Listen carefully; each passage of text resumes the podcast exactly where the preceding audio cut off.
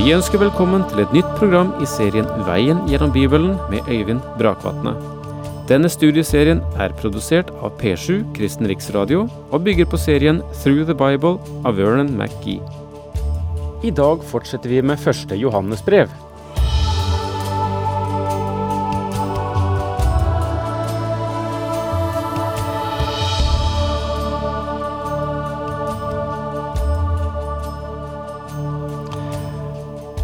Johannes kalles for kjærlighetsapostel.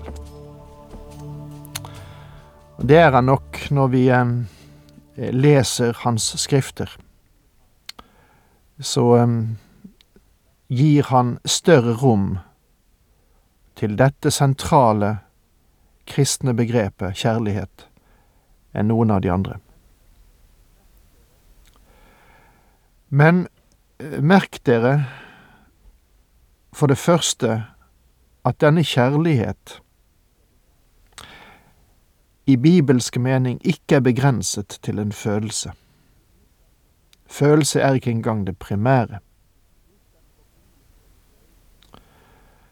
Hvis den forblir en følelse, sier Johannes, hvis den bare forblir ord, er den ikke av Gud.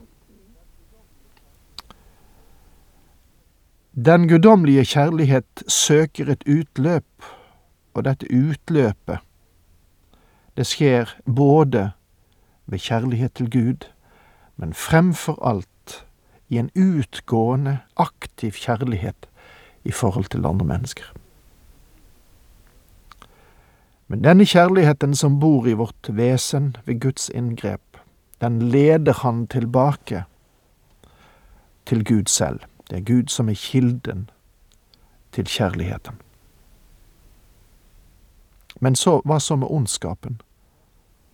Ja, den leder Johannes tilbake til den onde celle, til Satan. Og Johannes gjør det klart at eh, selv midt i menigheten finnes det dem som vil uh, lære andre ting enn det som fremmer den kjærlighet. Og eh, den handling som Gud ønsker. Og det som er det sentrale i denne onde ånd, som vil knekke Gud, som vil knekke alt han står for, det som er det sentrale, det er at man avviser Jesus Kristus som Gud. Og det er her vi befinner oss nå, når vi går inn igjen i første Johannes brev kapittel fire vers to.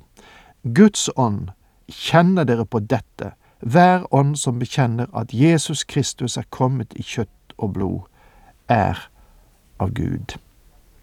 Altså, Guds ånd kjenner dere på dette, hver ånd som bekjenner at Jesus Kristus er kommet i kjøtt og blod, er av Gud.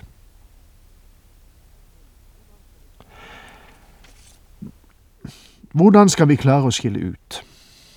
Det er det Johannes eh, eh, sier litt om her. Og han legger til hver ånd som bekjenner at Jesus Kristus er kommet i kjød, er av Gud.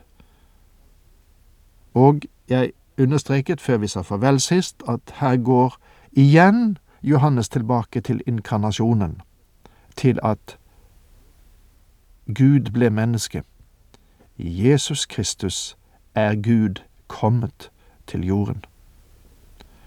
Han ble født i Betlehem, og han begynner der med inkarnasjonen. Golgata og oppstandelseshaven er meningsløse om han ikke er den han påstår seg å være, om han ikke er Gud menneske. Så langt kom vi sist. Altså, måten du kan bestemme den falske på, er at han vil fornekte Jesu Kristi guddom. Det betyr ikke at de ikke snakker vakkert om ham. De taler om en helt spesiell ungdom i Nasaret, og at eh, han var helt spesiell da han ble født. De sier at han var et religiøst geni, og at han var behersket av Gud. De sier at han kanskje hadde en større kunnskap om Gud enn noe annet menneske. Han var en superstar, forstår du. Jo, mange kan si mye vakkert om ham, men var han Gud kommet i kjød? Johannes taler om Ordet i sitt evangelium. Hvem var Ordet? Han var Gud, og han skapte alle ting, og han kom i menneskeskikkelse. Hvor? I Betlehem, ved inkarnasjonen. Jesus kom der. Når du fornekter inkarnasjonen, Kristi guddom, da fornekter du også hans gjerning på korset, for alt hviler på hvem han er. De falske lærerne forsøker å rive ham ned ved å gjøre ham god, men ikke best. Og slik blir den Herre Jesus behandlet i mange kretser i dag også.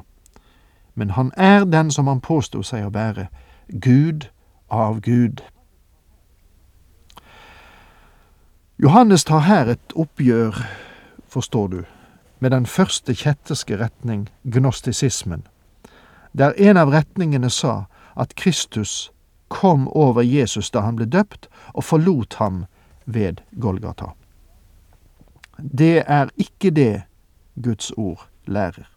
Guds ord sier oss at barnet i Betlehem var noe mer enn et forunderlig barn, at hans død på korset ikke var en ordinær død, og da han sto opp fra de døde, sto han opp legemlig. Han ble overgitt til døden for våre synder og oppreist for at vi skulle bli rettferdige for Gud. Romerbrevet, kapittel 4, vers 25. Jesaja skrev, For et barn er oss født, en sønn er oss gitt. Barnet er født, men sønnen er gitt. Sønnen kom fra evighet, den gamle av dage, men barnet som menneske ble unnfanget i en jomfrus skjød. Han fødtes i Betlehem, der noen få hyrder og vismenn kom for å tilbe ham. Han var mer enn eh, bare et dyrebart barn. Han var den dyrebare fredsfyrste, som gjorde fred gjennom sitt blod på korset, og en dag skal bringe fred til en krigstrett verden som vi lever i. Det er viktig for oss å legge merke til at dette er tegnet på hvorvidt et menneske er en falsk profet eller ikke. På dette kjenner dere Guds ånd. La oss finne ut hva en person tror om Jesus Kristus. Det er viktig. Det er meget viktig. Men enhver ånd som ikke bekjenner Jesus, er ikke av Gud. Det er antikristens ånd, som dere har hørt skal komme, og den er allerede nå i verden. Dette er tredje gang Johannes har nevnt Antikrist. Og Johannes er den eneste forfatter som nevner ham, og det gjør han bare i epistlene sine. I det andre kapitlet i denne epistelen skriver Johannes, Mine barn, nå er det den siste tid. Dere har hørt at Antikrist skal komme, og mange antikrister har alt stått fram. Derfor vet vi at den siste tid er kommet. Og så leser vi igjen, også i kapittel to. Og hvem er løgneren om ikke den som fornekter at Jesus er Kristus? Han er antikrist, han som fornekter Faderen og Sønnen. Og vi så i kapittel to at anti kan bety to forskjellige ting. Det kan enten bety mot eller i stedet for, det vil si en imitasjon. Og denne meningen presenteres i Skriften når den Herre Jesus Kristus sa, For mange skal komme i mitt navn og si, Jeg er Messias, og de skal villede mange, som det står i Matteus 24 vers 5. Med andre ord, de imiterte ham. Antikrist ble derfor brukt i betydningen av å late som han er Kristus. Den andre betydningen er å være mot Kristus. Åpenbaringen 13 presenterer for oss de to dyrene i endetiden. Det første dyret er en stor politisk hersker som kommer, antikrist for å herske over verden, en verdens diktator. Og så kommer det en religiøs hersker, og han blir kalt den, den falske profet. Han vil få verden til å tilbe det første dyret. Han vil komme som et lam, men innvendig er han en ulv. Han vil imitere Kristus. Og jeg tror at det vil være to menn, og at begge er nødvendige for å oppfylle alt det som er sagt i Skriften om Antikrist. Det vil komme en stor politisk hersker, og ved endetiden også en stor religiøs hersker. Hele vår nåværende sivilisasjon bygger opp til Antikrists komme. Det kommer en stor religiøs hersker, og alle de store verdens religioner vil samle seg og smelte sammen under hans lederskap. Det finnes en slik bevegelse også i dag. Vi har den samme tendensen politisk. Det finnes en bevegelse i retning av én hersker for denne verden. Han vil skape en midlertidig fred i verden, men det vil bli den frykteligste tid verden noensinne har opplevd. I kapittel to sier Johannes, og mange antikrister har alt stått fram. Og det er ganske mange av dem som beveger seg i verden, men de er ikke selve antikristen. De er falske lærere som driver verden nærmere og nærmere den dagen, og forbereder verden for at den ene skal kunne åpenbare seg. I de, disse seks første versene i kapittel fire har vi det som mange vil kalle en parentes. Kanskje det ikke er helt og fullt det, men det er i alle et slags rødt lys Johannes heiser her. Et varselssignal.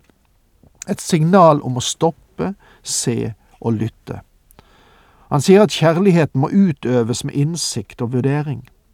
Vi skal elske de troende, men vi må forvisse oss om at de ikke, de såkalte troende, skal vise seg å være falske profeter.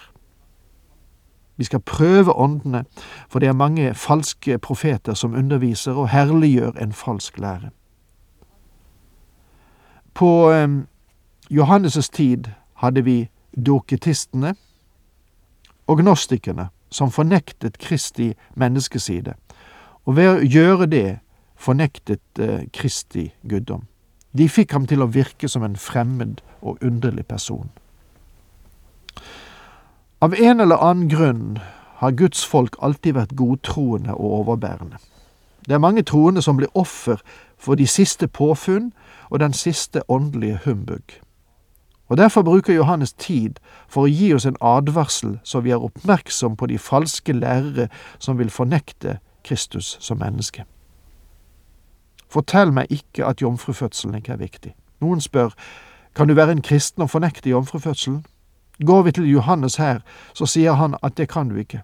Det er umulig fordi tegnet på en falsk lærer akkurat er konsentrert om dette poenget.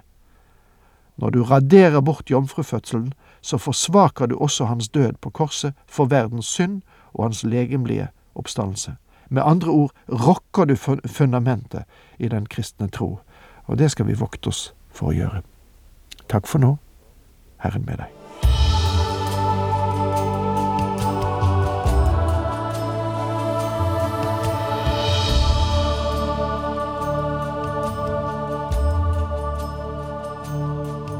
Du hørte Øyvind Brakvatne i studieserien Veien gjennom Bibelen.